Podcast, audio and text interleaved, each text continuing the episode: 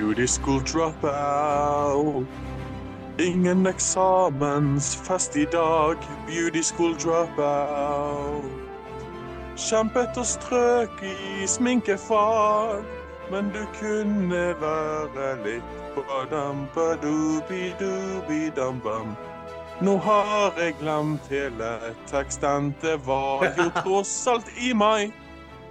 Ja, men da Og med det så vil jeg bare si velkommen til en ny runde med Filmnytt med vår nye, nydelige intro. eh, Som jeg ikke helt skjønte noe av. Sunget av selveste Roy Matsson. Så velkommen til deg, Roy.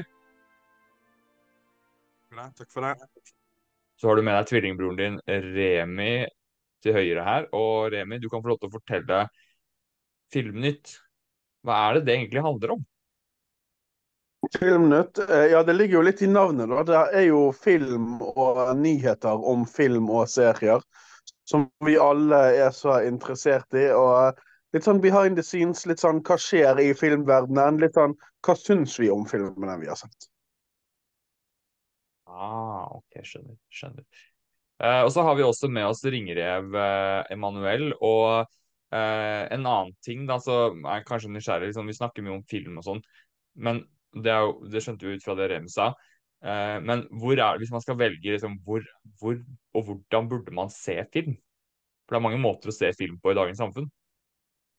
Ja, eh, hvordan man skal se film. Film er best på kino.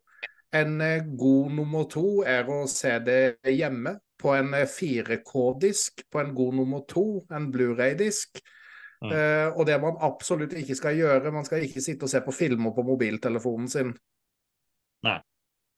Se streaming på mobiltelefonen. eh, Det er sånn, Jeg har spurt folk noen ganger sånn, for eksempel sånn her ja, Hva syns du om den nye Christopher Nolan-filmen, liksom? Og så bare ah, Nei, den var litt Jeg syns den var litt kjedelig. Den var litt overvurdert. Bare sånn, ja, men Så du den på kino, da? Bare sånn, Nei, jeg så den på, så den på en liten laptop eh, på streaming eller på mobilen min. sånn.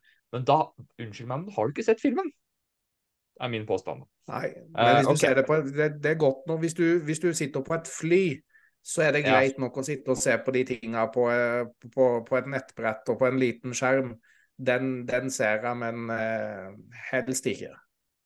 Ja, altså, det er ikke noe i vei. Jeg kunne gjerne, jeg kunne sikkert sittet og sett Dark Knight Rises på mobilen min, uh, uansett. Men jeg vil ikke ha det som en sånn første opplevelse hvor jeg faktisk skal vurdere filmens kvalitet ut ifra at jeg sitter og ser den på en mobiltelefon. Det funker ikke. Um, har vi noe mer vi må si som intro da? Nei, det er egentlig greit. Altså, vi har jo også uh, fokus på de store franchisene sånn generelt, enten om det er film eller uh, om det er TV-seriene på Disney Pluss, når det gjelder Star Wars og Marvel og de andre tingene som er mest eh, i vinden her. uh, Cobra Kai, f.eks., eh, Manuel, er jo noe vi er glad i. Uh, Remi holder opp hånda holdt på en stund, her nå, så han skal få lov til å skyte inn før jeg uh, fortsetter å snakke om hvilke temaer vi skal gå gjennom i dag.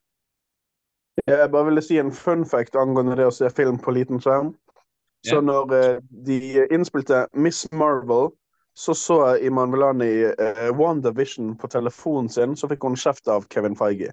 For du skulle se den på en stor skjerm. Nettopp. Yes. Kevin Feige vet hva han snakker om, stort sett. Eh, I motsetning til andre eldre filmskapere som kanskje er litt uh, surrete i toppen. Når det gjelder eh, Ja, nei, jeg skal ikke gå inn på det. Eh, det har vi snakket om før. Roy, skal du også si noe? Så hyggelig. Ville bare si at jeg så The Killer på Netflix på mobilskjermen min eh, på vei til jobb, eh, og jeg likte den bedre enn Emanuel. Så eh,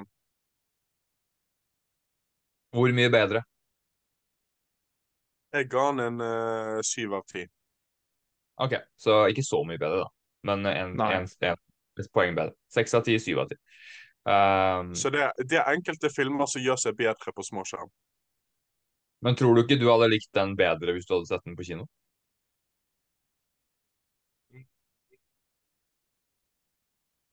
Nei?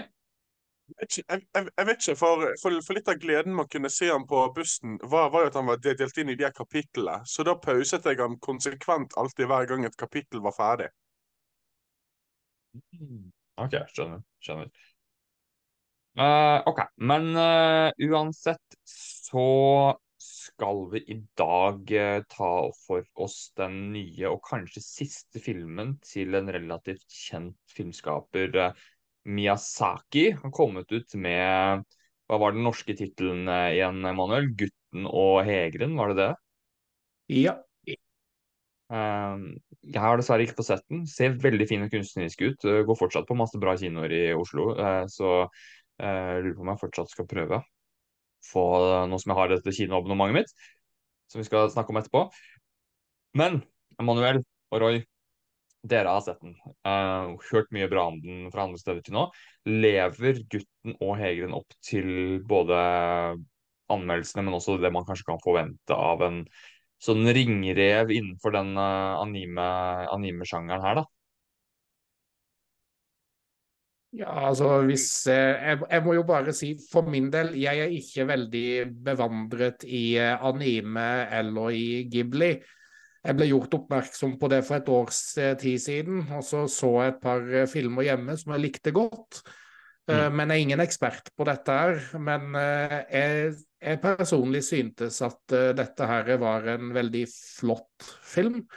En veldig dyp film, og det er klart det at det er noen ting eh, på det der filosofiske planet som, som disse filmene her skal være, som kanskje går bort litt fordi at jeg ikke forstår helt det japanske tenkesettet og den japanske kulturen. Men eh, jeg syntes dette her var veldig fint. Veldig saktegående, men hypnotiserende, sånn som det disse Ghibli-filmene har en tendens til å være. Og så syntes jeg det var eh, fantasifullt, selv om de hadde henta litt eh, tydelig inspirasjon her fra både Narnia og eh, Alice in Wonderland og de tinga der. Så jeg, jeg likte den godt. Men det er ikke min favoritt-Ghibli, men jeg likte den godt. Ja. Åtte av ti landa du på, var det ikke sånn? Det var det, det, var det jeg landa på. Den foreløpige Foreløpig av de få jeg har sett, så, det, så har jeg den derre prinsesse Mononoke eh, som eh, nummer én. Mm. Eh, og Totoro som nummer to. Så si at den kommer på nummer ja, Kanskje rundt en nummer tre eller noe sånt. Så har jeg som sagt ikke sett mange Ghibli-filmer. Men det høres ut som at uh, det er mye kvaliteter, da. Roy, er du, uh, deler du synet til Manuel her, eller? Jeg gjør det dessverre ikke det. Jeg, jeg syns at filmen begynner veldig bra. Uh, og så syns jeg egentlig at eh, altså, ikke, ikke for å spoile noe, men uh, for å si det veldig sånn ute av kontekst. Idet du kommer inn i tårnet, så, så synes jeg at, uh, at filmen eh, forsøker på, på kreativitet og en spennende historiefortelling som bare ikke funker helt for meg. For jeg ser jo det at jeg er den eneste i hele verden som, som ikke elsket denne fil- filmen. Um, for, for, for meg så ender han på en, på en seks av, av ti, og mye av det har å gjøre med begynnelsen, og at an, animasjonen er upåklagelig, men storymessig så ønsket jeg noe annet. Ok. Men har du, hvordan forhold har du hatt til eh, Miyazaki og Studio Ghibli tidligere? Hvis noe forhold i det hele tatt? Jeg har sett uh, Shihiro, Shihiro heksene. Og that's it. Ok. Så ikke det sterkeste forholdet, da. Uh, men hva syns du om den, da? Ja, den el, el, elsket jeg. Ja, Så det er ikke noe sånn at dette liksom ikke er en sjanger for deg, liksom. Det var mer det at den filmen her bare ikke var sånn som du sier, da, historien bare ikke var fengende nok for deg, da. Enkelt og greit. Mm. Uh, all right, men eh, det er jo i hvert fall en film som eh, jeg tror man kan liksom si at hvis du virkelig er glad i sjangeren og glad i Miyazaki, så er det jo ganske god sjanse for at man vil få noe ut av å se den, ut fra de reaksjonene man har fått. Og eh, dette er jo da mye som tyder på at dette er Miyazaki sin siste kinofilm. Eller kanskje siste film også. Sånn at eh, det er flere gode grunner her til å ta en titt på den på kino. Og spesielt hvis du bor i, i Bergen eller Oslo, og du har vært så smart at du har signa opp for eh, Nordisk Filmkino sitt nye abonnement, hvor du kan betale Hvor lite er det igjen, Roy? På, på vår kino så er det 275 kroner i måneden eh, hvis du skal ekskludere vekk 4DX, og Ja. 299 kroner i måneden hvis du skal ha med 4DX-salen. Ja, det er akkurat det samme som det er i Oslo nå også. Eh, uansett hvilken film, uansett hvilke seter, uansett hvilken, om det er premiere, Midtraden Colosseum med deilige lenestoler eh, med varme i, så kan du booke hvilke som helst billetter hvis du har det abonnementet. Ja, det er i Oslo og Bergen foreløpig. Så det er helt nydelig. Så eh, løp og kjøp, eller åpne opp eh, browseren din og søk. En av de to. Og Emanuel har noe å skyte inn med her. Eh, ja, jeg vil bare også skyte inn for de som bor på Sørlandet. Eh, ta turen og se den på kinoen i Grimstad, fordi at for akkurat den filmen der så koster billettene bare 90 kroner billetten. Så hvis du er på Sørlandet, se den på Grimstad kino, Grimstad kulturhus. Fin anbefaling. Fin anbefaling. Eh, da må jeg bare ha en veldig kjapp pausemerke. Eh, tre minutter, og så fortsetter vi. Så jeg bare, Dere kan få lov til å Vet du hva, jeg setter i gang dere med et annet topic mens jeg går, for jeg må bare riste litt på ryggen og så hente meg noe uh, drikke, bare freshe meg litt opp. For jeg merker at jeg begynner å bli litt sånn der uh, Klarer ikke å fokusere ordentlig. Um, så da, uh, Roy, hadde du et topic som du slang ut eh, tidligere i dag, om, som var Marvel-relatert. Hva var så det? Så uh, da vil jeg bare begynne med å si at det her er en report, så det er ikke blitt bekreftet noe noe sted. Men reporten sier at Disney har tenkt å stoppe med special presentation uh, med mediumet da, uh, inn på D Disney+. Eh, det mediumet har jo til nå gitt oss to ting. Det har gitt oss Werewolf by Night og eh, Guardians of the Galaxy Holiday Special. Og så hvis, hvis, du skal være sånn skikkelig uh, assface, så kan du si ja, det har gitt oss tre ting, for det går også Werewolf by Night in color. Det er samme tingen. OK? Ta det litt med ro.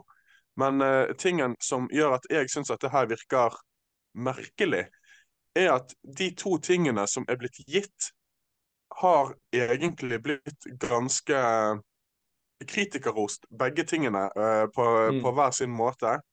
Uh, og um, argumentet for å stoppe med det er siden de mener at det har ikke fått de seertallene som de ville ha, og de mener at det, det um, koster de mer enn hva de får inn, da.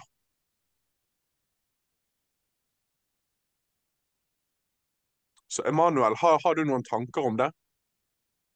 Eh, nei, ikke, altså ikke akkurat om de der special feature-tingene. Men eh, det som jeg har fått med meg, er jo det at eh, nå som det har blitt nytt lederskap i Disney Det har jo vært veldig prega Disney av at eh, de har fokusert altfor mye på content til Disney pluss. Og så har liksom kinofilmer egentlig blitt litt sidestilt, da. I forhold til content. At det har blitt altfor mye content, og at uh, kvaliteten har vært varierende. Men det, men det, handler jo ikke bare om Marvel, det handler jo om ganske mye annet òg.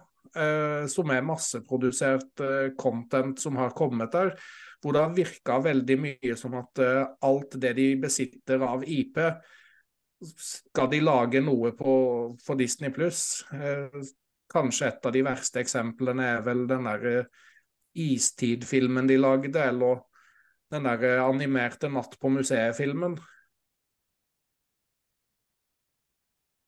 ikke det da merkelig å gå etter en av de få tingene som på en måte er blitt er blitt veldig godt mottatt da, av, både kritikere og fans. Det er veldig merkelig. Det gir ingen, det gir ingen mening.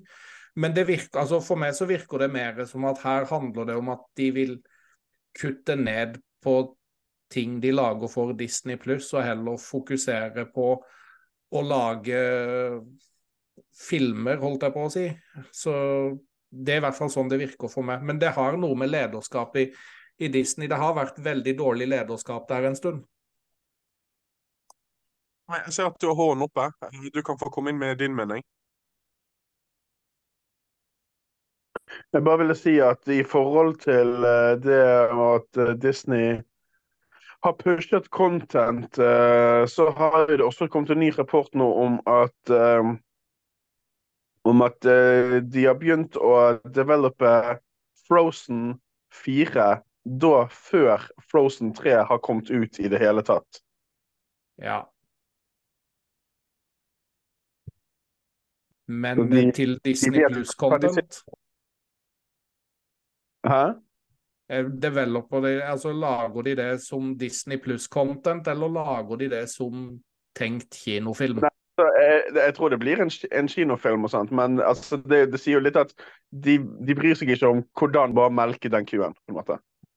Ja, men Frozen er jo for Disney det er jo som å printe penger. Altså det, det er det jo ingen tvil om, men det er klart det at hvis eh, Frozen 3 blir et, eh, tog, et togvrak, så feiler Frozen 4 også. Men i utgangspunktet så er det å printe penger, altså. Det, det er jo det. Men eh, jeg synes jo mye av det der tinga som de har uh, laga altså, Nå nevnte jeg den der Istid-filmen eh, som de lagde, og det der eh, animerte Natt på museet. Jeg har hørt at uh, de der eh, Wimpy Kid Diary, at den siste saken der heller ikke er all verdens. En TV-serie basert på, på Santa Claus, og så ja, en Pinocchio-film eh, som på papiret skal være bra, men Oscar-vinnende hovedrolleinnehaver og regissøren av Back to the Future. På papiret så skal det være bra, men istedenfor så er det en svær reklamefilm for andre Disney-relaterte produkter.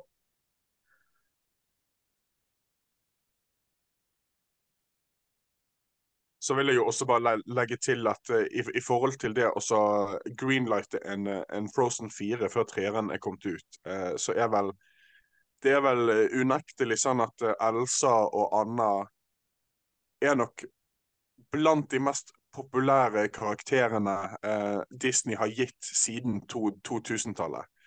Um, jeg, jeg tror ikke jeg har gått et år siden hvor jeg ikke på et karneval eller i halloween-anledning har sett bilder av jenter som, som kler seg opp som, eh, som de her prinsessene og, og, og, og dronningen. Sånn at jeg eh, Jeg tror franchise-messig så, så tror jeg ikke at, at, at Frozen kommer til å, til å slite uansett kvalitet. Eh, jeg, jeg, jeg tror at de billettene se- selger seg sjøl, til, til og med hvis, hvis filmen bare er midt på treet. Men jeg må jo si altså- at det er jo litt sånn som at Marvel skulle ha annonsert en Avengers 3 før Avengers 2 kom på kino. Det, det var gøy fordi at de gjorde det. Ja, de gjorde jo det, men det er jo litt annerledes, fordi at der er det jo delt opp i Altså, der, altså, altså Marvel, altså MCU, har jo i utgangspunktet vært en stor sammenhengende historie delt opp i enkeltstående filmer, sånn at det har jo på et eller annet vis fortalt én felles historie over hele linja. Så det Mm. gir jo, det gir jo mening eh, at de gjør det. Ja, det, det en eneste problem jeg hadde med det, var at før jeg så Age of Ultron, så visste jeg at Avengers kommer til å klare seg, for de holder på med en Avengers 3. Sant? Ja, men uh, lineupen med Avengers kan jo uh, variere fra film til, uh, fra film til film. Bare for å skyte Ja, og inn her og, og, og det gjorde han jo også, på en måte. Ja, For å skyte inn her nå, mens dere har, eh, dere har fått lov til å leke en liten stund uten meg her nå. Um, så jeg tror jo at um, Disney har en del å rydde opp i. Um, masse. Opp, masse å rydde opp i, og det er tydelig at det ble mye rot under den overtagelsen mellom hvem som var leder og sånne ting. Eh, litt, kanskje litt mye fokus på kvantitet fremfor kvalitet. Eh, men som jeg har diskutert tidligere, så tror jeg det er en, en ting som er viktig, eller to faktorer som jeg har tenkt en del over, som jeg tror er veldig viktig å ta med i regnestykket her. Eh, og det ene er at hvis du setter deg ned og ser på eh, før liksom denne fasen som mange regner som en litt sånn dårlig fase for Disney, da, sett i betraktning av hva de har levert tidligere. Så setter du deg ned og ser på hvor mange ting er det de har levert som faktisk har gjort det veldig bra. Så er nok ikke forskjellen på det så veldig stor. fra tidligere. Eneste forskjellen er at de har lagd veldig mye mer. Og da har det også kommet en del andre ting som ikke har gjort så bra. Eh, og, og, at du også har fått en del kontroverser rundt mange forskjellige ting. Eh, sånn at jeg veit ikke helt liksom om, om, problemet er så stort. Jeg tror heller problemet er at de kanskje har altså Det er visse ting de har prøvd på som de kanskje rett og slett bare kan stoppe å prøve på. Men det er ikke mangel på ting som har funka. Det er vel mer det der de har prøvd å ekspande. Så har de ikke lykkes med så mange av de tingene de har liksom prøvd å eksperimentere med alltid. Um, sånn, Kjernen av veldig mye det de har gjort, tror jeg fortsatt er ganske trygt. ikke sant? Uh, neste Avengers-filmene kommer til å tjene vanvittig mye. Spiderman 4 kommer til å gjøre det kjempebra. De har fortsatt mange populære karakterer eh, eh som folk liker veldig godt inne i MCU. Eh, folk er veldig med på Star Wars nå gjennom Disney Pluss. Jeg tror de neste Star Wars-filmene kommer til å gjøre det knall når du får en, en, en eh, Kevin Feige, holdt jeg på å si, Star Wars sin versjon av Kevin Feige, Dave Filoni sin eh, kinofilm. James Mangold sin film tror jeg mange kommer til å være interessert i. Jeg tror den neste filmen med Daisy Ridley kommer til å bli Eh, sikkert noen som kommer til å gnåle over den, men den dårligste filmen hun har vært involvert i, tjente over en milliard, eller den som er ansett som den dårligste filmen. Eh, og, og, du kommer til å ha nå så mye tid, andre filmskapere, eh, knytte inn ideer fra andre ting i Star Wars. Jeg tror liksom, Når Star Wars kommer i gang igjen om et par år med filmer, Avengers kommer med de neste rundene sine, du får eh, fulgt opp igjen mer fra, fra Spiderman, Doctor Strange, veldig populær karakter, andre ting som er liksom bærebjelken har vært det lenge, uh, så tror jeg liksom at du kommer til å se at den kjernen som har vært der veldig, som har vært veldig velfungerende hele tiden, som de hele tiden lykkes bra med å tjene mye penger på, den er ikke borte, tror jeg. Uh, jeg tror mer det at det blir så mye fokus på de tingene de har prøvd på som ikke har funka helt. Og Da får man på en måte inntrykket av at ting er så veldig dårlig stilt. Da. Uh, men jeg vet ikke egentlig om det er helt sant. Men jeg sitter jo ikke på alle, alle regnestykkene og alle, de, alle de økonomiske uh, tingene og tangene her og der, liksom. Men jeg, jeg tror i hvert fall de har i hvert fall premisset der for å fortsette på en veldig god måte, tror jeg. Manuel? Ja, eh, jeg tror forresten at Roy rakk opp hånda før meg, hvis du vil ta ham først. Å oh, ja, nei, nei, jeg visste det, jeg bare ville at du skulle snakke først. Nei, nei jeg bare tuller. Okay. Roy. Ja, tilbake igjen til sakens kjerne om special pre presentations. Så føler jo jeg at det er Disney som, som fjerner kvalitet eh, ovenfor kvantitet. For når de har hatt to eh, titler, og begge har blitt godt likt av alle som har sett det, så, så, så, så ikke det er seks episoder for formatet som forsvinner det er one-shot-storytellingen hvor du har um, en historie som er mindre enn en film, um, men i ett, uh, i forstedenfor uh, en utvannet over uh, flere timers serie. sant? Jeg, jeg, føler at de formatene som ikke funker, er jo de de nå beholder. Og det som har vist seg å funke, er det de velger å fjerne.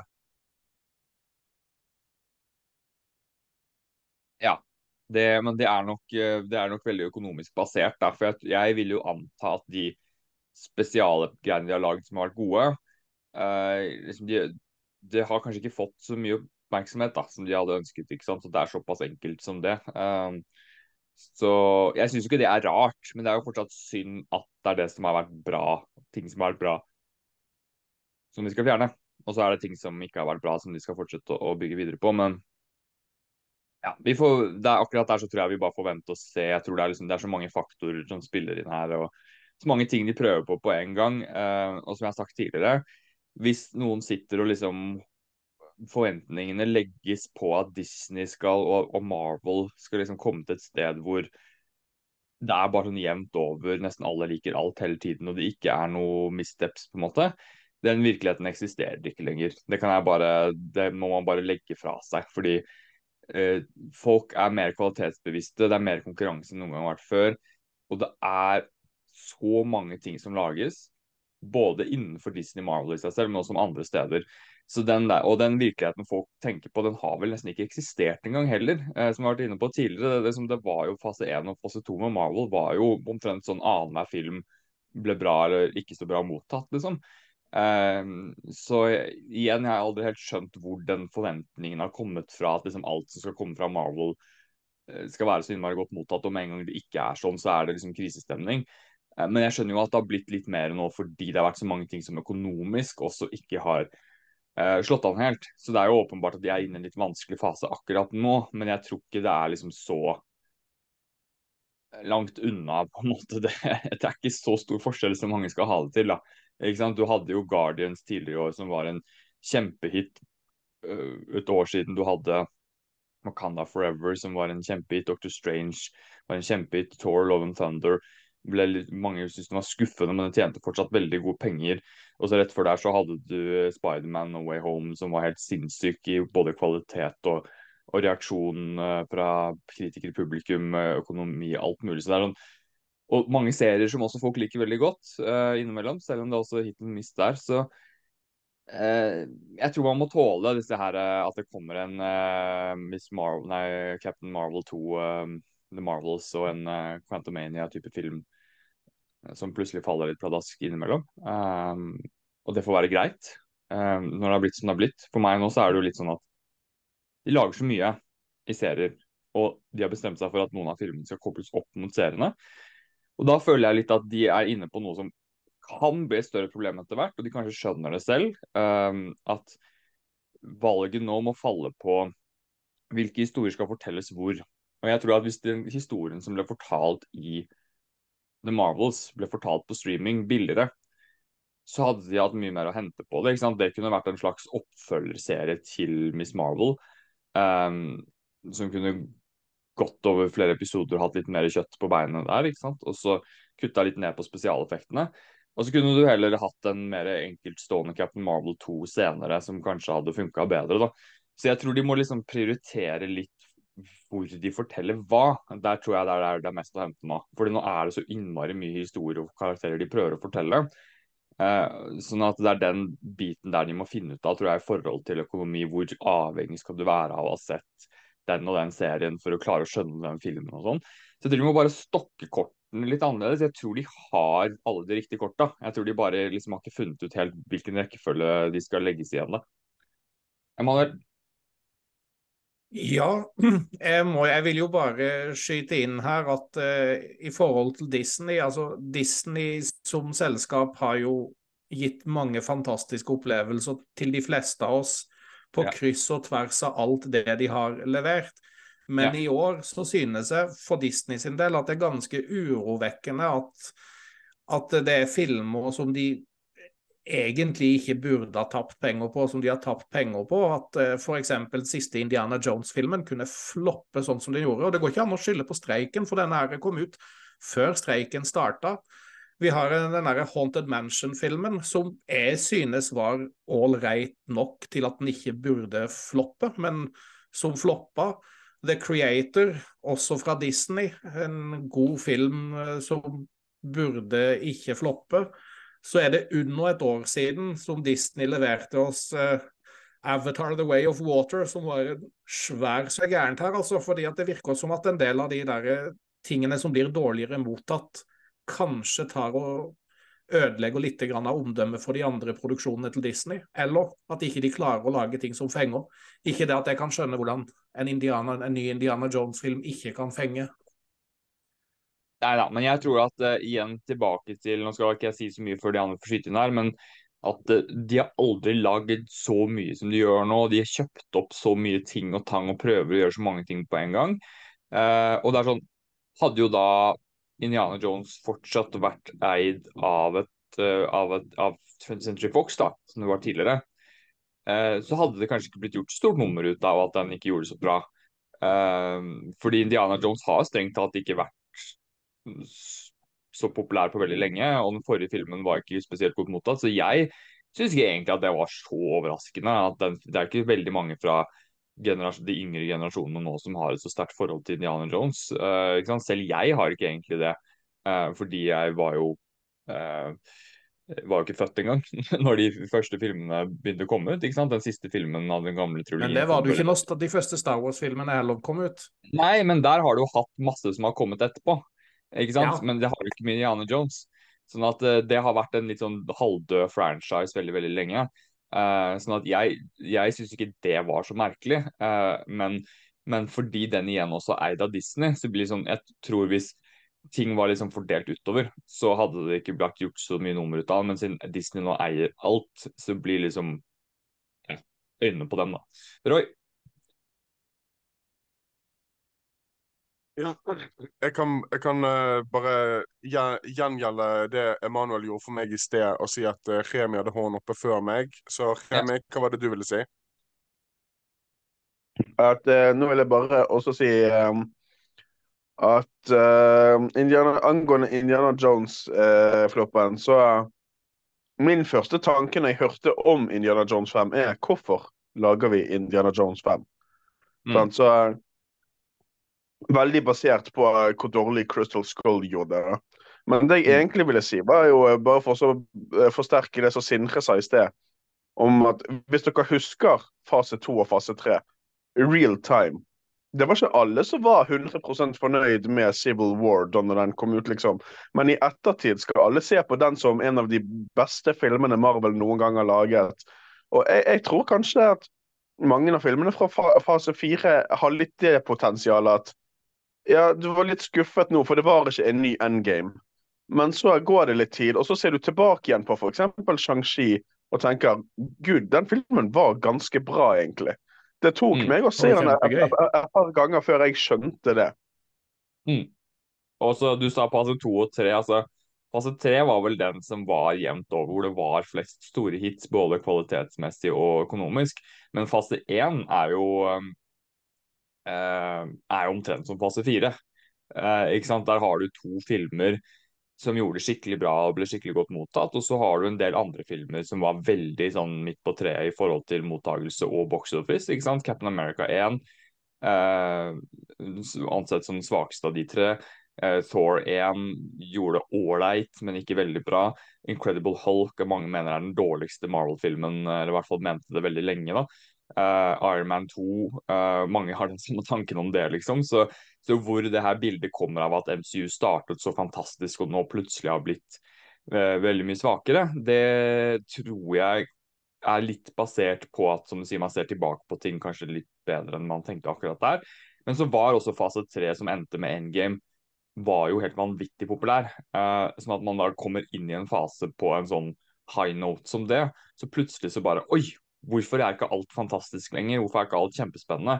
Så trenger du bare å gå eh, fem-seks år tilbake før det var ganske vanlig at ting var litt sånn mixed og her og der, men så ble man så innmari hyped da, i den fasen der frem mot endgame, liksom. Mm. Så, men Roy, Så jeg, jeg tenker jo også det at um, vi kan jo Altså, det er, de, de er jo bare så vidt begynt på fase fem. Og det er jo fase seks som skal være det store klimakset til denne sagaen. Så det det er en lang vei å gå før vi trenger å være inne i the golden age av denne sagaen, på en måte. Og jeg vil ikke ligge det Altså, jeg vil ikke Jeg gir Marvel the benefit of the doubt på at de kan klare å snu denne trenden med at folk er litt sånn skuffet. og så, til at Da når eh, Kang Dynasty eller Secret Wars faktisk er rett rundt hjørnet, så er folk om, om, om bord igjen, på en måte.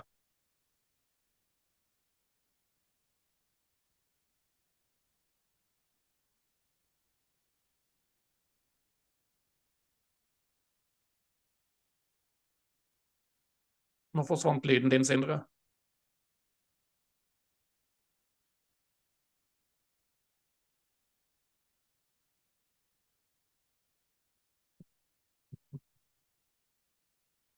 Jeg, eh, bare nå før eh, ti- tiden går, går ut, så, så har jeg bare lø løst dette opp i forhold til Disney og Box Office og sånn.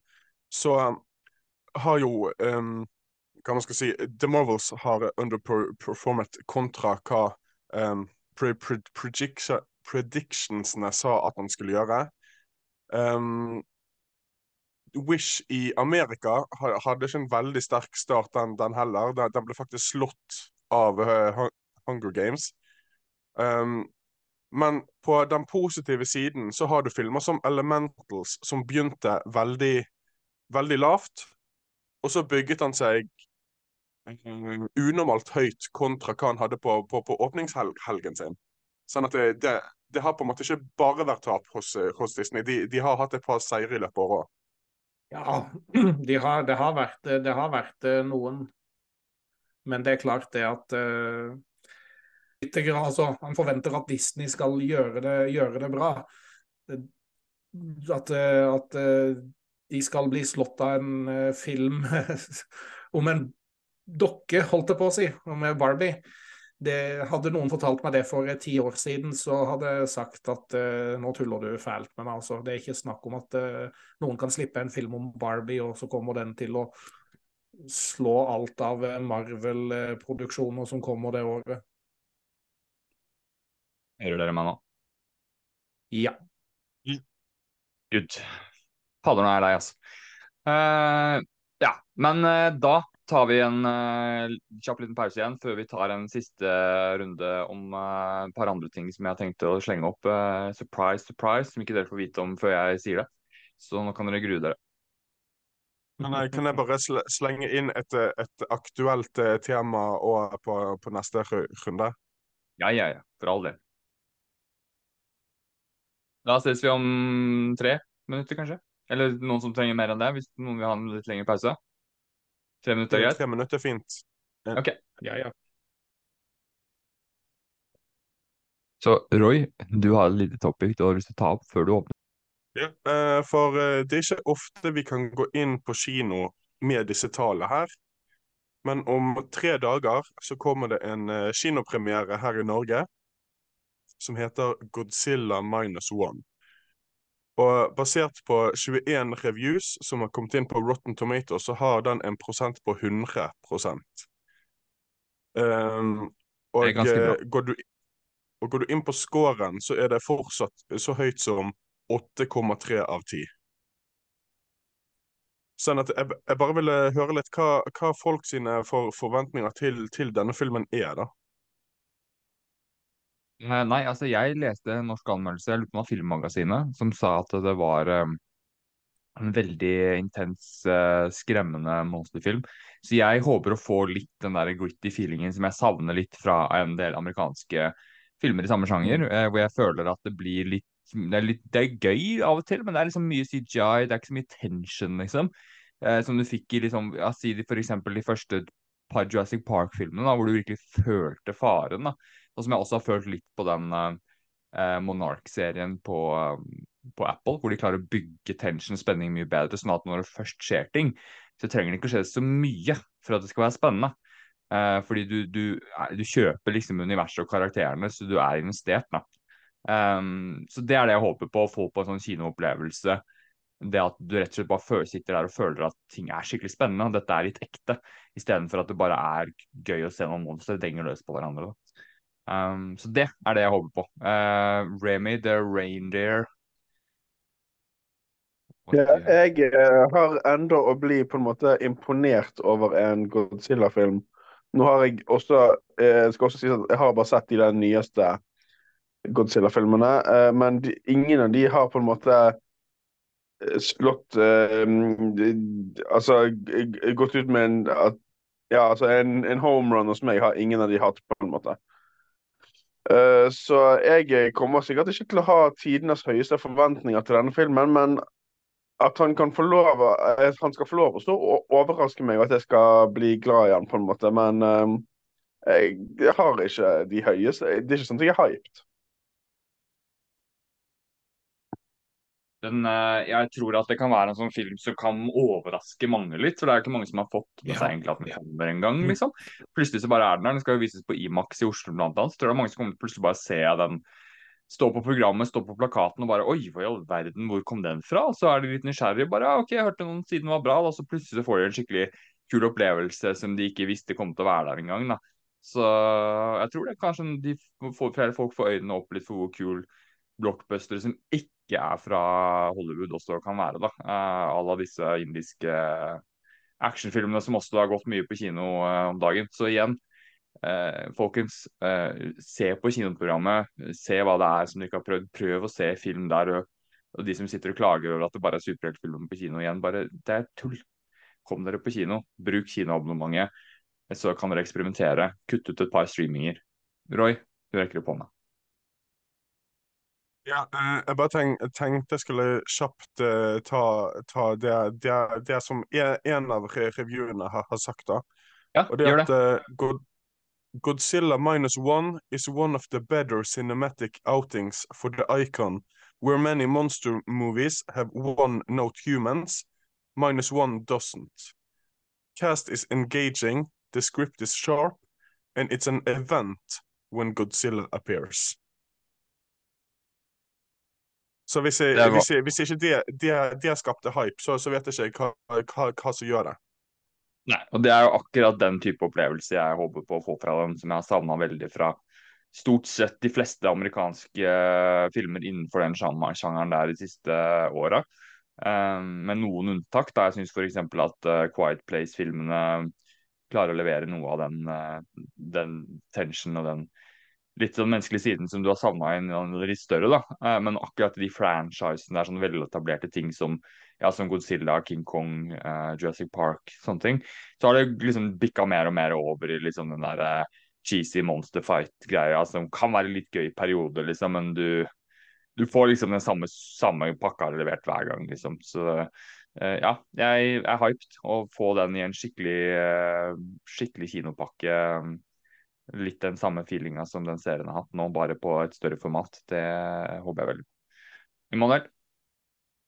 Ja, eh, jeg må jo si det at eh, jeg gleder meg også veldig mye til, til denne her. Eh, jeg må si jeg har ingenting forhold til eh, de japanske originale Godzilla-filmene. Men jeg kjente bare det at eh, når jeg så det at dette skulle settes opp på kino, at det, det er sånn mer eller mindre en, en liten event. Mm. Og så tenkte jeg at dette her, dette her må jo sjekkes ut. Dette her var noe jeg på en måte følte at hvis ikke jeg ser denne her på kino, så er dette her noe jeg faktisk går glipp av hvis jeg ikke, hvis jeg ikke ser det på kino. Selv om jeg ikke har noe forhold til det. Men samtidig så har jo jeg hatt et lite mål om å prøve å utvide mine horisonter litt og se litt mer ikke-engelskspråklig på kino. Så det blir spennende å se. Kuna Matata. Jeg tar bilde av deg, Emanuel. To besnærende ord. Da går vi videre, og øh, hvis jeg sier øh, noe til deg, Remi, eller jeg sier ikke deg, jeg spør deg Are you not entertained? Hva svarer du da? Um, David Bowie. Emanuel, hvis jeg sier til deg nå Are you not entertained? Hva sier du da? Å, herregud. Nei, feil igjen. Vi prøver en gang til. Roy, hvis jeg sier til deg nå Are you not entertained? Hva sier du da? Nei, for nå, nå, nå har du sagt det tre ganger på rad, så uh, I, I am not. Jesus Christ, og vi liksom har en filmpodkast, liksom? Uh, OK. Uh, neste år eh, så kommer det i 20, slutten av 2024, da, neste år, så kommer det en film som eh, mange kanskje trodde aldri kom til å eksistere, som har vært snakket om kjempemange år. Fra en regissør som akkurat har kommet med en annen storfilm på kino, eh, Ridley Scott. Han skal nå gi ut Gladiator 2. Og det var en av de filmene som det var mye snakk om um, under streiken. Var liksom, ja, produksjonen stoppa, da, som mange andre ting, og var litt usikkerhet rundt om den kom til å holde schedule og sånn. Men nå er det nyheter da, som jeg leste på, på comingsoon.net som tyder på at den er on schedule. Så for de som ikke har fått det med seg, og det er sikkert noen, neste desember altså, om ett år, bare så vidt over et år, så kommer faktisk Gladiator 2 av alle ting. Eh, med da Du har jo ikke eh, Russell Crowe som en eh, I hvert fall ikke som en stor del av eh, filmen. Eh, og mange var nok skeptiske til det her. Eh, men eh, så begynte det jo liksom å komme en castlist, og du har jo blant annet Denzel Washington er, med der, liksom. og du hadde Nå skal jeg bare finne Jo, Denzel Washington og Pedro Pascal. Fortsatt regissert av, av Ridley Scott, liksom. Og det er sånn OK. eh, hvis Pedro Pascal og Denzel Washington signer opp, så kan jo ikke manuset være så altfor dårlig, tenker jeg. Eh, Da må de jo ha en tro på, på den ideen her. Så eh, det kan være en sånn oppfølger som liksom kommer ut av liksom å virkelig eh, knuse liksom forventningene til Altså, det er en film som ingen følte trengte en oppfølger, som ingen forventa skulle ha en oppfølger, og folk hørte snakk om det, så jeg også var sånn Hæ? Nei, det tullet kommer aldri til å skje. Og så hørte jeg noen av ideene for det som hørtes helt teite ut, men når man nå har skjønt at ok, men dette er ikke noe sånn svada-oppfølger hvor du skal prøve å koble inn Russell Crowe på en eller annen måte, det er mer enn en film som skal eller skal koble inn, men skal ikke bruke han liksom i, i stor grad som liksom eh, Ghost from the Afterlife eller et eller annet sånt. Dette er en film som bare direkte følger opp bare mange år etterpå, da. Med han ungen, han, han kiden, som er ganske viktig i den første filmen, som da er eh, nevøen til eh, eh, Joaquin Phoenix, da. Eh, altså bad guyen, som blir keiseren der etter hvert. Eh, som eh, har en ganske sånn sterk relasjon med Ross Crowe sin karakter. Når han har blitt voksen, da, eh, er jo det dette her eh, handler om. Eh, så jeg lurer litt på Dette her har jo ikke blitt har det blitt bekrefta hvem som spiller hvem? Pedro Pascal, Denzel Washington, det står ikke hvilke karakterer de spiller. Uh, Lucius Paul, er det han som spiller uh, voksne versjonen av han? Paul Mesco. Er det Ja, er det samme skuespiller? Jeg er nysgjerrig. Nei, jeg skal lese mer om det senere. Uh, det er hvert fall jeg, jeg, jeg har hørt mer og mer om det prosjektet, hva det handler om og hvilke skuespillere som er involvert sånn, Um, så har jeg blitt mer og mer hype på det. Og Ridley Scott er jo fortsatt litt hit and miss, så folk var jo litt mixed på, på Napoleon. Men uh, jeg tror det kan bli kult. Jeg tror det kan bli veldig kult, faktisk. Så Roy, du holder opp hånda. Ja.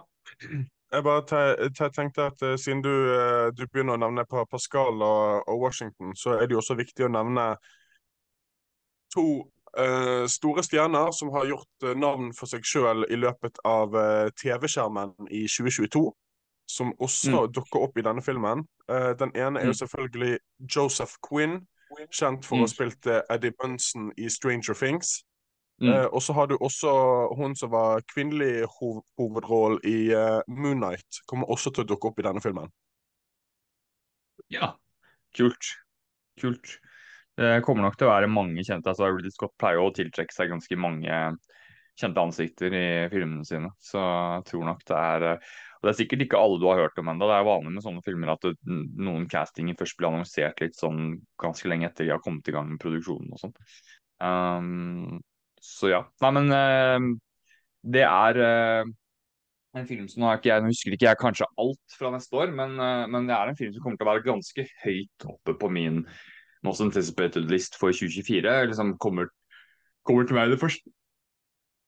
Første er jo den også eh, du, altså Dune, Gladiator 2 og, eh, og Deadpool 3 er vel liksom de tre som stikker seg ut for meg sånn akkurat nå, eh, uten at jeg liksom har skjemaet rett foran meg. Da. Men eh, Remi, du skal få lov til å si noe du også, selv om eh, du glemte den replikken hvor den var fra, du også. Skuffa over dere, gutta. Ja, altså, jeg eh, føler jeg bare må minne deg på at det er bare én episode siden vi sa at jeg ikke har sett denne filmen. Nei, men Det er jo bare enda mer skuffende. Nei, vi skulle jo ha et event. Vi skulle jo se alle Ridley Scott-filmene. Det blir jo dritbra. Men uh, det jeg ville si, var um, eh, Nå tok du meg helt vekk fra tankene mine. Skal vi se um, Sorry. Eh, Ja, hva var det jeg skulle si, da? Um, are you not entertained? I am entertained. I am very entertained. So Roy raised his hand, takes the word from your brother before he chokes the podcast to death. Ehm, ifølge nettet så har jo da Gladiator 2 ehm, release date i, i slutten av november, står, står det her, her, her Ja, ok. ok. Trodde det var desember. Eh, og, så, og, og da vil jeg bare si at eh, den kommer nok til å tjene gode penger uh, den første uken. Uh, før han mister alle pengene sine uken etterpå. For da kommer jo selvfølgelig uh, filmversjon av Wicked, en av de beste musikalene noensinne lagd. Uh, sånn at da, da har ikke Gladiator 2 eh, mye sjanse, altså. Og Roy, kan ikke du ta og synge en strofe på Defying Gravity for oss nå? It's time to try defying gravity. I think I'll try defying gravity. Det, det var det du fikk. Ja. Ja, var bedre enn Mari Bella på Stjernekamp. Men, eh, men, men altså, sånn, for, for å så bare sånn være helt 100, 100 ærlig Wicked er, er en musikal som ba, ba, baserer seg på karakterene fra uh, Trollmannen fra Os, og du har Ariana Grande i, i en av rollene, sånn at de billettene Glinda. solgt, så de billettene solgte seg for meg lenge før, uh, før uh, uh, på en måte filmen har premiere. Et, et år i forveien. Eh, Det gjorde den sikkert, men jeg har null tro på at den filmen kommer til å ha noen som helst innvirkning på box office til Gladiator. Det, det tror jeg ingenting på, men den var kanskje ikke så seriøst ment fra deg. Eh, Men eh, at, den, at det kan bli en hit, det tror jeg absolutt. Men jeg tror nok at det er et såpass stort publikum som er interessert i Gladiator, som ikke bryr seg om den. Sånn at det, det tror jeg ikke skal bli noe stort problem i utgangspunktet. Wicked er, rel Ja. Wicked er relativt ukjent i Norge. Eh, det Ja, er en stor musikal som har blitt satt opp mye både på Broadway og på West End, eh, men den har aldri, det har aldri blitt laga en norsk produksjon av den, så Nei. relativt ukjent. Men det er jo en fin, det er jo en fin sak med store, flotte sanger, så Mm. jeg krysser fingrene. Det er en film jeg ser veldig frem til til neste år sjøl. Ja, absolutt, men jeg tror det er plass til to sånne filmer tette oppå hverandre. altså To såpass forskjellige filmer. Eh, det tror jeg ikke skal være noe problem. Hvis Gladiator tror jeg er bra nok, og den ikke kommer på streaming sånn rett etterpå, så tror jeg det, det er det som skal til. da. Eh, med de skuespillerne der også, så tror jeg den har eh, ganske gode kort. Det tror jeg faktisk. Sånn at Den må rett og slett bare være bra, tror jeg. Bra nok. Det, det tror jeg det er liksom det som, det som gjelder. Bra, bra nok og så bra bra markedsføring. Eh, og så eh, ikke altfor lang. Eh, kanskje litt å si også. Ok, men da har vi ikke, hvis ikke dere plutselig har noe mer eh, som har dukket opp her, så er det ikke så veldig mange flere eh, topics, egentlig. Eh, men vi pleier jo alltid også ta en sånn spontan topp fem-liste, hvor vi drar fram et eller annet veldig kjapt tema.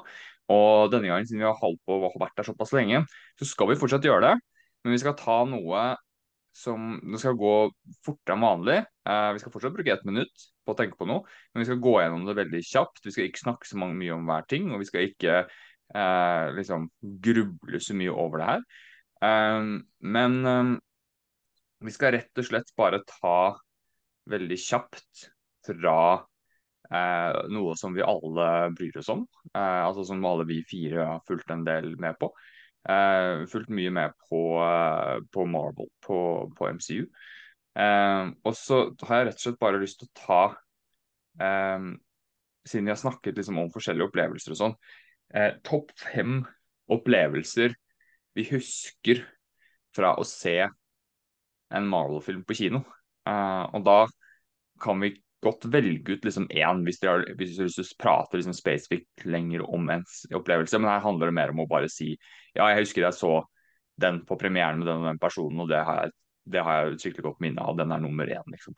Så her trenger vi ikke å utbrodere sånn så veldig, men, eh, men her er det liksom bare snakk om ok, hvilke presisere hvilke filmer er det som har gitt oss den beste opplevelsen av MCU som vi kan huske på, på kino. Så da har vi ca. ett minutt på å notere den lista og se liksom hva, hvilke minner er det som sitter sterkest.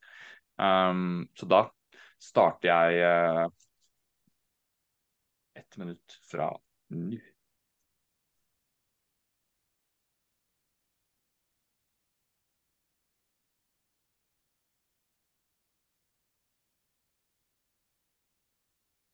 Time. Klarte vi det? Man Ja. jukser. Ja. Good. Uh, da, kan jeg, uh, da kan jeg rett og slett begynne. Uh, min femteplass. Uh, minne fra å se den første Guardians-filmen på kino. Uh, Syns jo det var en veldig bra film også, men jeg har veldig sånn spesifikke minner fra å se den sal 1 på Colosseum en sen kveld på hva vel sensom, nei, senvåren. Vandre liksom på parkeringsplassen til Frogner, eh, Frognerparken, prate om filmen etterpå. liksom Dette var noe litt sånn spesielt fra MCU som andre som har sett før. Så ja, det, er, det er veldig sånn spesifikke minner fra. Jeg husker veldig godt omstendighetene rundt det. Så det, det er min femteplass. Og Emanuel? Eh, På min femteplass eh, så har jeg egentlig satt eh, Black Panther Wakanda Forever. Den gjorde, Mm. den, gjorde altså, den gjorde et veldig sterkt eh, inntrykk på meg. Jeg ble overraska over hvor emosjonell jeg ble av å se den filmen pga. at det var så mye av de følelsene der som var ekte, holdt jeg på å si, og ikke Mm. overspill. Så det, det føltes ja, det føltes nesten som jeg var en del av dette her. eh, En, en del av en felles eh, sørgeprosess. Ja, ikke sant. Og bare sånn for å presisere igjen nå, dette var jo for meg, hvis jeg ikke presiserte det tydelig nok, ikke ment som en repetisjon av hva er topp fem eh, Marvel-filmene våre i det hele tatt, men mer sånn spesifikt opplevelsene rundt det å liksom gå på kino, gjerne hvem man var med og liksom ja. Så jeg, jeg tenker jo ikke det her som en topp fem, for min del i hvert fall. Selv om det er jo Selvfølgelig så blir det jo noen paralleller, selvfølgelig. Men, eh, men ja. Eh, Roy? Ja, Femteplassen min er eh, Captain America Civil War, for den hadde premiere da i Bergen kino som nattkinopremiere på en onsdag. Eh, så eh, da, da var det liksom komme seg hjem fra jobb, sove, sånn at du klarte å holde deg våken den natten.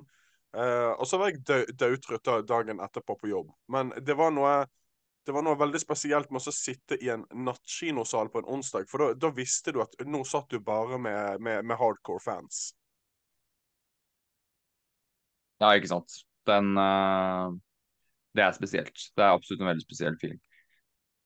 Remi? Hvem av Det var Antman gang nummer eh, tolv, som er nummer én? Antman og Nei. Quantumania? Ja, i alle fall ikke nummer fem. Han kommer høyere opp enn det. Men uh, hva du skulle si at ehm, eh, På nummer fem så tar jeg Infinity War. Uh, når snappet skjer Altså, vi ser den på premiere, skal, det, skal man huske. Uh, det er ingen som er klar for det her. Um, og det var liksom en unison følelse av sjokk og traumer samtidig. Gjorde de akkurat det her? Vi tror ikke helt på hva som skjer. Uh, vi er klar for en mid-credit-scene som ikke kommer. Uh, og sa det helt stille. Og alle er- helt sånn Hæ? Hæ? Jeg, trenger hva, som skjer? Altså, det er rett og slett hva du kaller det, da når du på en måte har sluttet å røyke, og så trenger du bare mer og mer. Um, altså, det var rett og slett en følelse Hæ? Hva sa du? Abstinenser. Ja, det, det var abstinensfølelsen. Du måtte bare ha mer. Og jeg eh, Det er en av de mest, mer spesielle opplevelsene jeg har hatt på kino. Um, fordi at du er så vant med at heltene klarer det alltid. Det er liksom regel. Heltene skal alltid klare det. Og for en gangs skyld så tapte literally alle sammen. Uh, så det, det var, Og så husker jeg bare så meg rundt i kinosalen bare sånn det, vi, alle, vi alle tenker det samme nå. Hva skjedde? Hva var det jeg akkurat så? Kan de gjøre dette? Og det blir min nummer fem. Det er eh, forståelig, det. Eh, min eh, nummer fire, det blir faktisk Eternals. Som jeg så da, da hadde det jo vært korona-times ganske lenge. Hadde ikke vært så mye på kino på en stund. Så husker jeg da det å gå og se den på Imax-en. og at filmen var jo en veldig annerledes type film også. Veldig sånn visuelt storslagen på en litt annen måte enn det Marvel pleier å være. Og så så jeg den med en kompis veldig god kompis av meg som vanligvis ikke liker Marvel så veldig godt, men som ble veldig uh, investert i den filmen. Og jeg tror det er liksom den Marvel-filmen han har likt best. Han likte vel Endgame også. Infinity War Endgame uh, ganske bra, men uh, han sa i hvert fall etter vi hadde sett den, at det var liksom den beste opplevelsen han hadde hatt med en Marvel-film på. Der kom han inn igjen. Ja.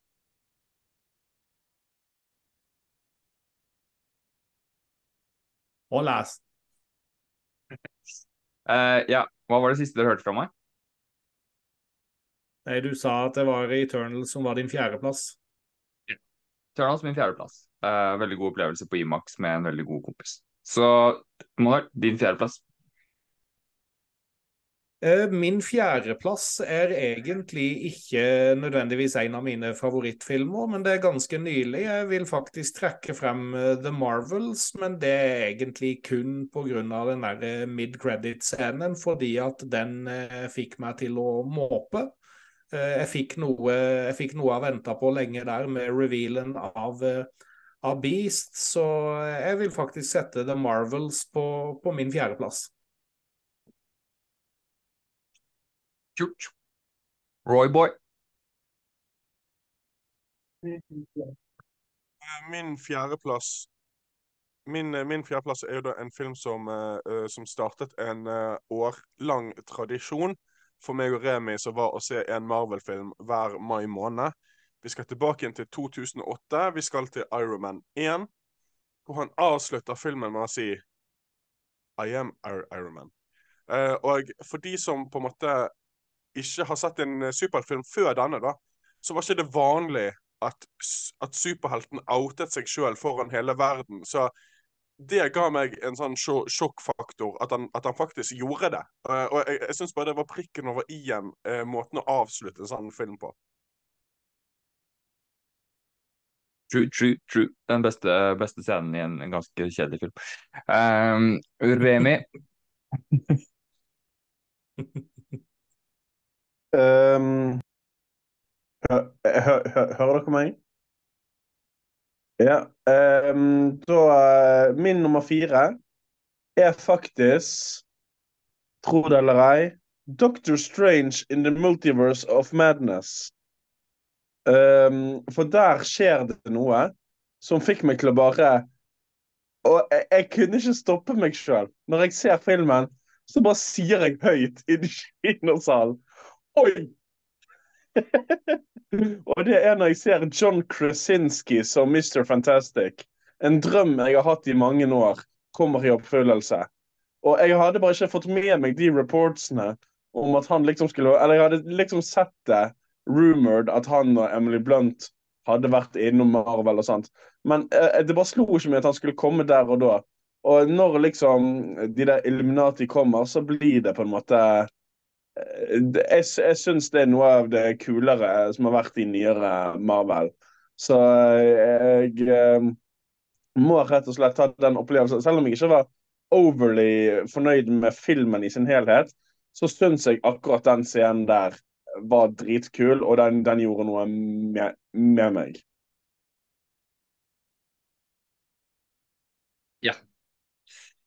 Det, den støtter jeg absolutt.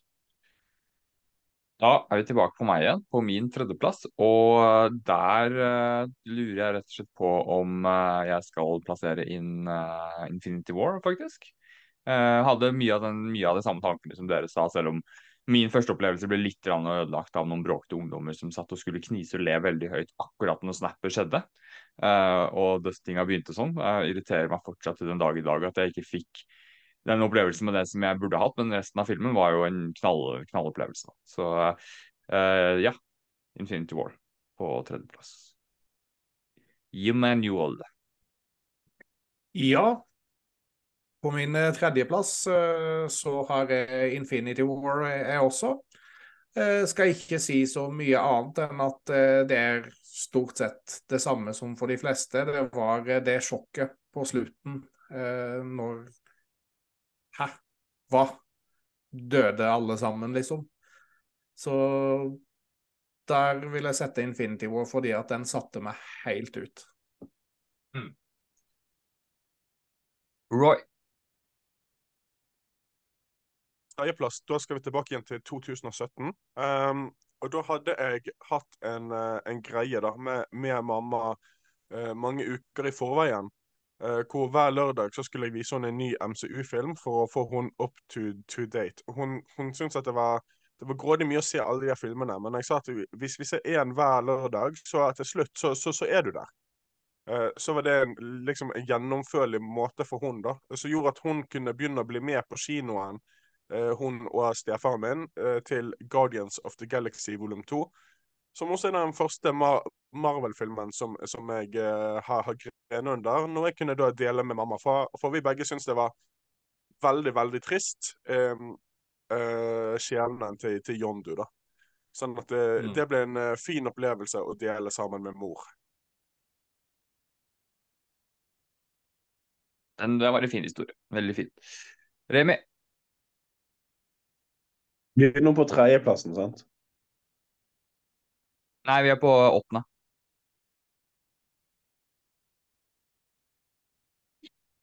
Falt han ut? Han frøys.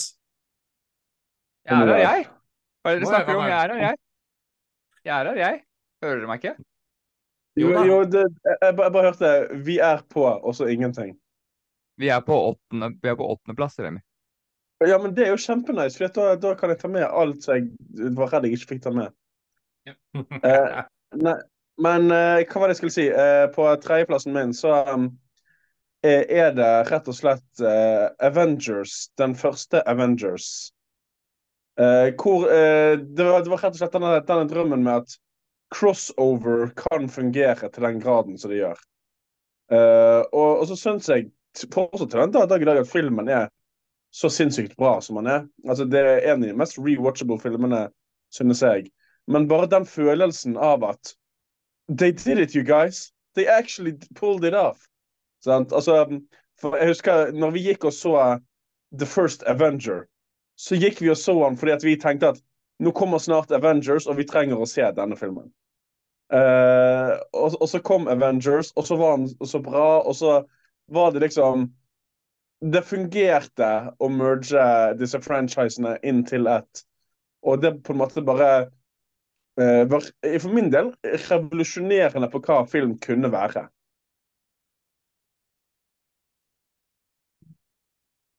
Unigod. Det er det øyeblikket jeg husker best fra den filmen der. Det er stuck in my mind. Ass. Det er ikke mange ganger jeg har ledd så hardt som når uh, hulken plukker opp loket og bare denger han veldig mellom. Så det, det var jeg, Jeg liker, jeg liker We Have a Hole. Ja, ja, den er, også, den, er også, den er også veldig bra. Den er også veldig bra. Uh, men uh, ja, da er vi tilbake på meg. Min andreplass Da ble det ble tøff konkurranse, altså. Men uh, jeg tror at vi må kjøre Endgame på andreplass. Uh, jeg så den på Imaxen uh, i en, en, av de første sånn skikkelige Imax-opplevelsene jeg fikk med fullstappet Imax-sal med crowd som var veldig investert i filmen fra, fra starten av. Så det var eh, litt av en opplevelse. Uh, og det, mye av den er jo skutt i Imax òg, så der fikk man jo virkelig liksom sett hva Imax-film kan være når det er en skikkelig Imax-film som spilles der. Så igjen til dere gutta. Kom dere en tur til Oslo uh, og heng med meg i Imax-salen når man kan se en ordentlig Imax-film uh, der. så skal jeg spandere en sjokolade på dere. Mens dere betaler for 300 kroner i maksbilletten selv.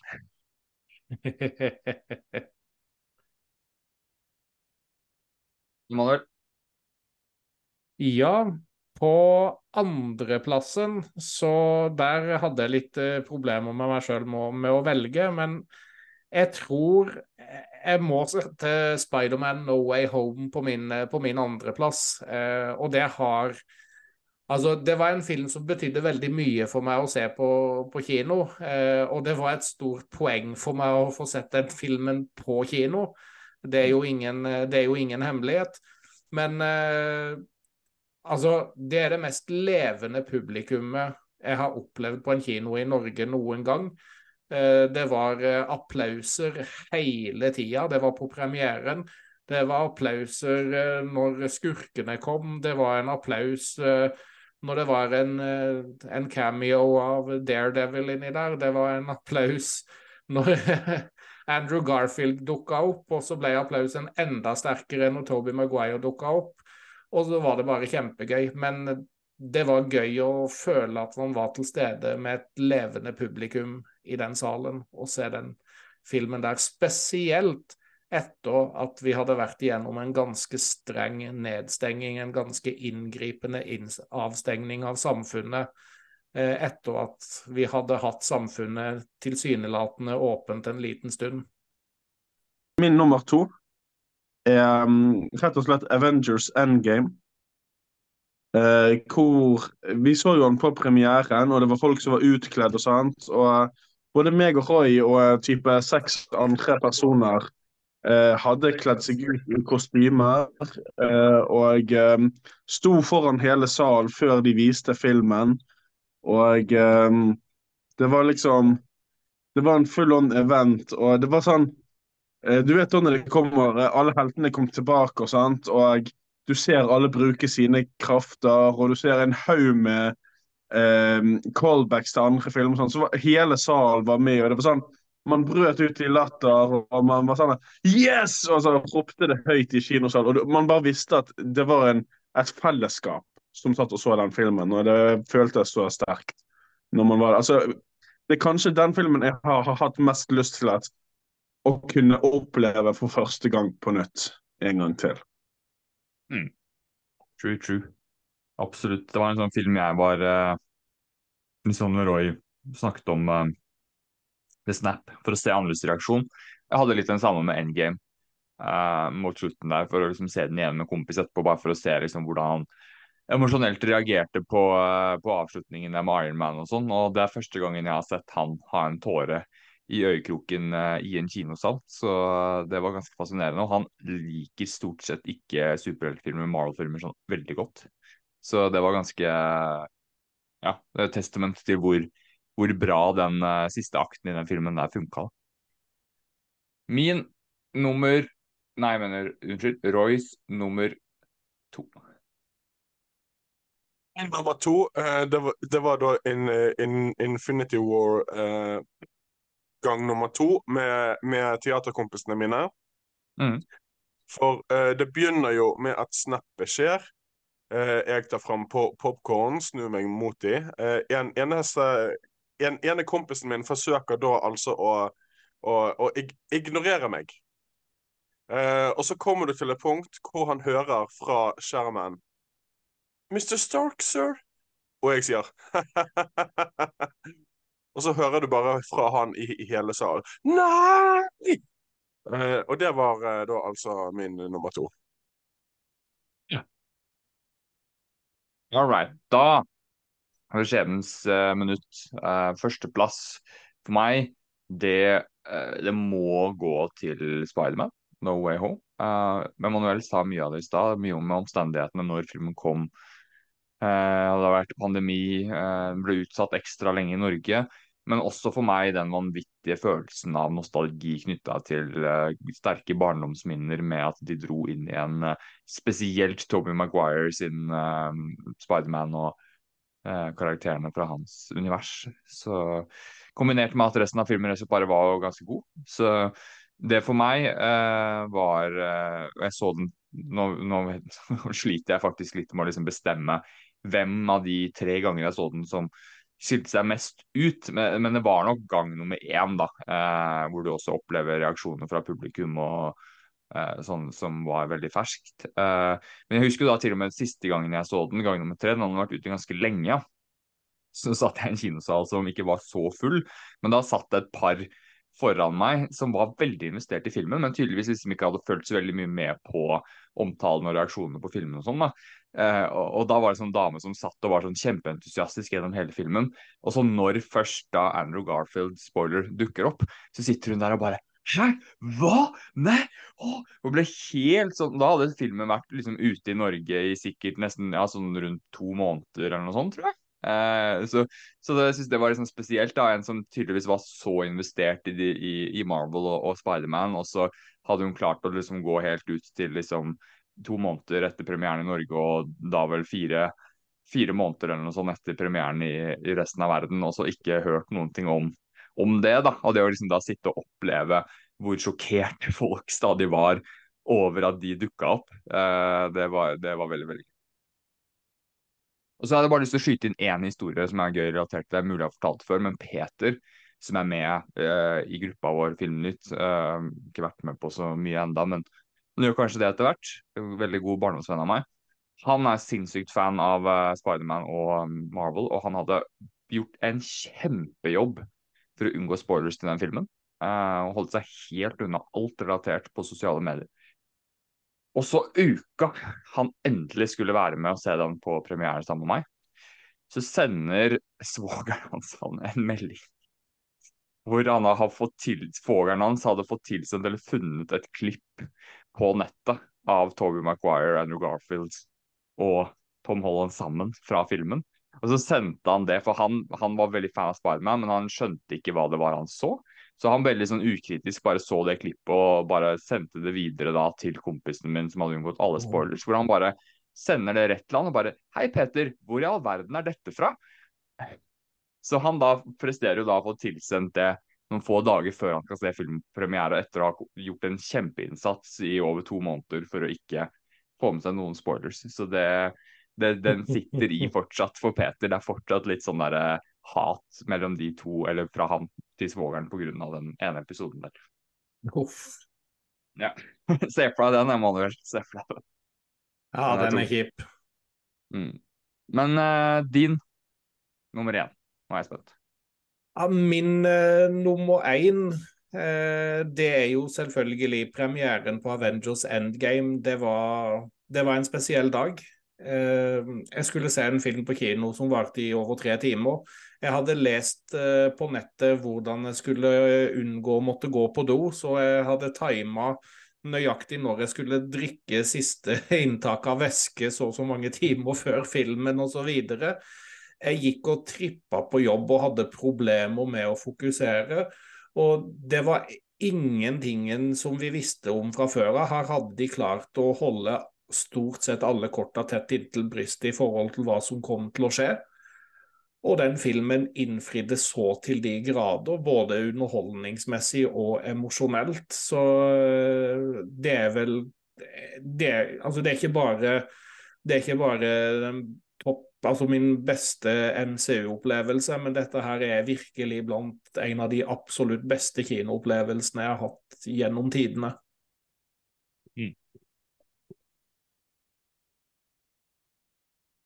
Remy, The Reindeer jeg bare vil si, Apropos det å hate folk for spoilere. Husker dere trailer, eller teaseren, eh, mer rett å si, til Endgame? Det er det aller første som kom. Det var gått et halvt år siden Infinity War, og du hadde ikke fått noe, og så kom det en teaser. Eh, meg og en kompis, eller tidligere kompis, vil jeg si, hadde, mm, hadde diskutert mye fram og tilbake, og jeg hadde sagt mange ganger Endgame er blitt, ordet endgame er blitt nevnt i både Avengers 2 og Avengers 3. Hvis det er én tittel som hadde vært fitting til Avengers 4, så er jo det Endgame, sa jeg til den. Og, i, og den teaseren heter ikke Avengers Endgame T-teaser. Den heter Avengers eh, teaser-trailer. Fordi at det, det, skal komme en Det skal være en sånn stor Her kommer tittelen, endelig, som dere ikke vet hva er. Det står ikke engang i tittelen på traileren hva tittelen er. Og så sender han meg bare en melding mens jeg er på jobb, da når den traileren kom ut. Og bare Endgame, det måtte jo bli det, ha-ha. Og så er jeg helt sånn Er du helt forbanna dum? Tror ikke du jeg hadde hatt lyst til å oppleve det sjøl i traileren? Så jeg snakker fortsatt ikke, ikke med han. Nei,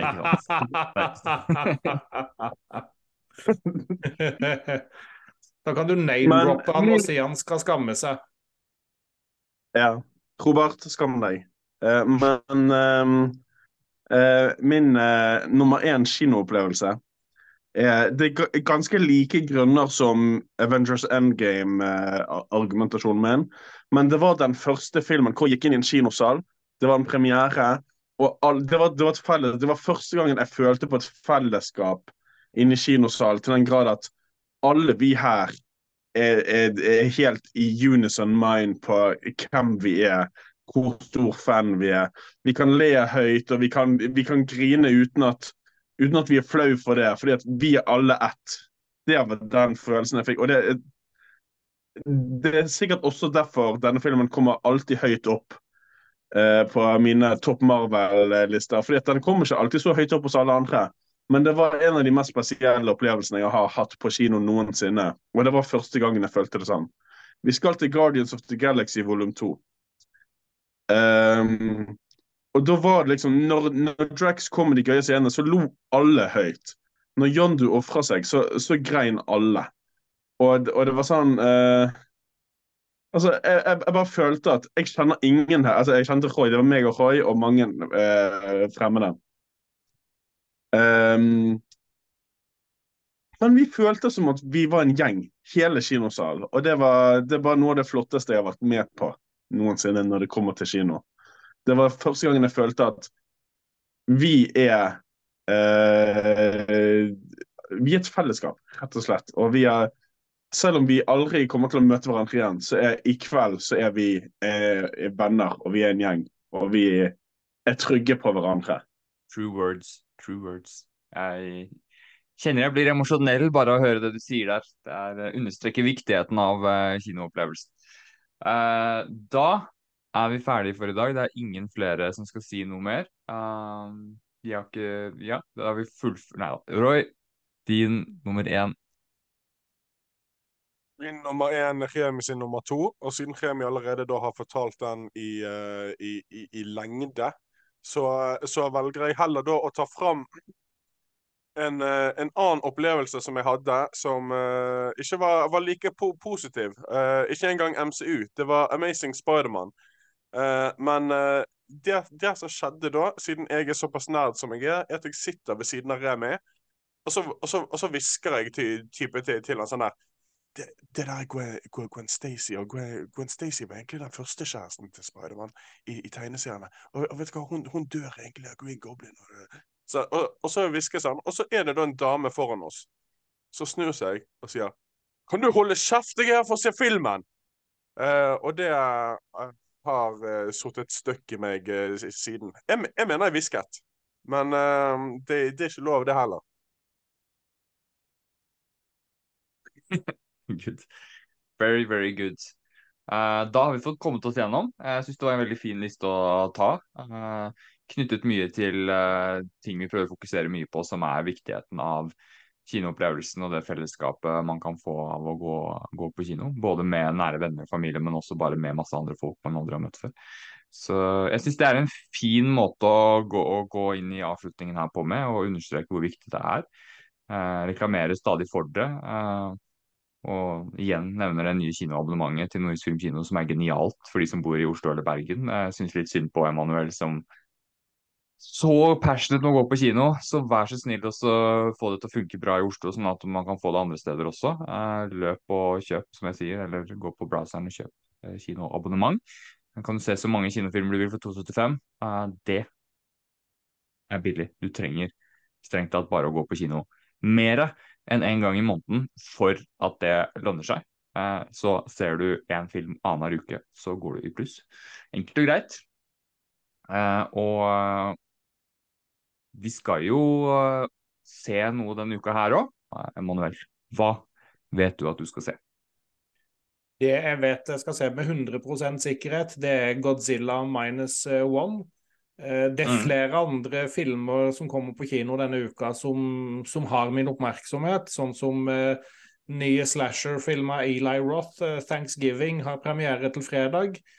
Uh, og så er det en A24-film uh, om livet til Priscilla Presley. Uh, og en ny indisk Bollywood-film som heter 'Animal'. Som jeg mest sannsynlig dessverre ikke får sett fordi at begrensa, release på Sørlandet og krasjer med Godzilla minus one. Men det er i hvert fall den jeg skal se, selv om det er flere andre filmer som er interessante og verdt å få med seg. Begynner fredagen med en uh, double feature, uh, hvor vi skal begynne med uh, Ønske. Disney sin nyeste film. Som de sa i traileren, denne filmen har vi ventet 100 år på å lage. Det har vært 100 år in the making. Så har de skjøtet seg sjøl i foten med, med, med, med de Hva man skal si Forhåpningene der. Forhåpningene du legger på med Disney vi får se. Vi fortsetter så med Godzilla min minus one. Eh, veldig spent på, på den.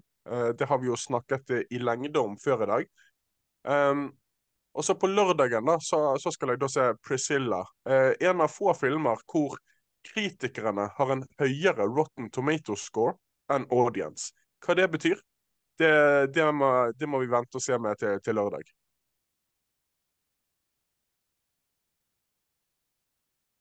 Tvilling. Jeg skal se Ønske på fredag. Um, den ene visningen som var fortsatt med engelsksnakking, før Lagun bare går all in på norsksnakking. Um, og jeg liker, jeg liker, veldig godt å se disse her Disney- og Pixar-filmene for så vidt da, på engelsksnakking. Um, fordi at uh, jeg føler at uh, det er ikke alltid dette trenger å være A-list skuespillere som skal ha de stemmene. Men jeg føler ofte at det kommer litt mer dybde fram på engelsk, og dialogen er oftest, som oftest mm. litt bedre på engelsk. Um, så jeg, jeg, jeg, trodde egentlig, for det står jo på alle plakatene at uh, ønsket kommer 8.12. Jeg trodde egentlig jeg skulle si den 8., helt til jeg sjekket eh, hva det var jeg egentlig hadde bestilt, og der sto det 1.12., så da blir det fredagens film. Jeg skal også nok se Godzilla, tenker jeg. Jeg har et par venner som er ganske gira på den uh, filmen, som jeg vanligvis ikke går så ofte på kino med. Så jeg skal utnytte det til en mulighet til å henge litt med noen venner som uh, ofte ikke er uh, med meg på kino. Så det blir bra. jeg gleder meg. Jeg tror nok det blir en Imax-visning av den. sånn at det da skal vi få ut en ganske kjapp omtale av den. Og ja, på, så på lørdag så kan dere nok få høre hva vi i Filmnytt tenker om eh, den nye Godzilla-filmen. Og så på torsdag så skal vi prøve å spille inn en Ringenes herre spesial, som vi har gjort tre ganger tidligere, men det er lenge siden sist nå. Så hvis dere har lyst til å høre på masse nerveprat om Ringenes herre, så spiller vi inn det på torsdag. Legger den nok ut først et par dager senere. Men det er uansett verdt å holde øynene åpne for den etter hvert. Da sier vi takk for i dag, eh, gutta. Og Emanuel, eh, hvor kan man eh, finne oss? Ja, kan, vi, man kan finne oss på, på YouTube. Eh, Filmnytt heter kanalen, ikke Jurassic Starlord som den eh, gjorde før. Eh, mm. I tillegg eh, så er vi på andre plattformer eh, innimellom som, også, som har, som har podkastinnhold, sånn som Spotify. I tillegg så kan du støtte oss ved å registrere deg som Patrion og på Buy Me a Coffee. Helt riktig.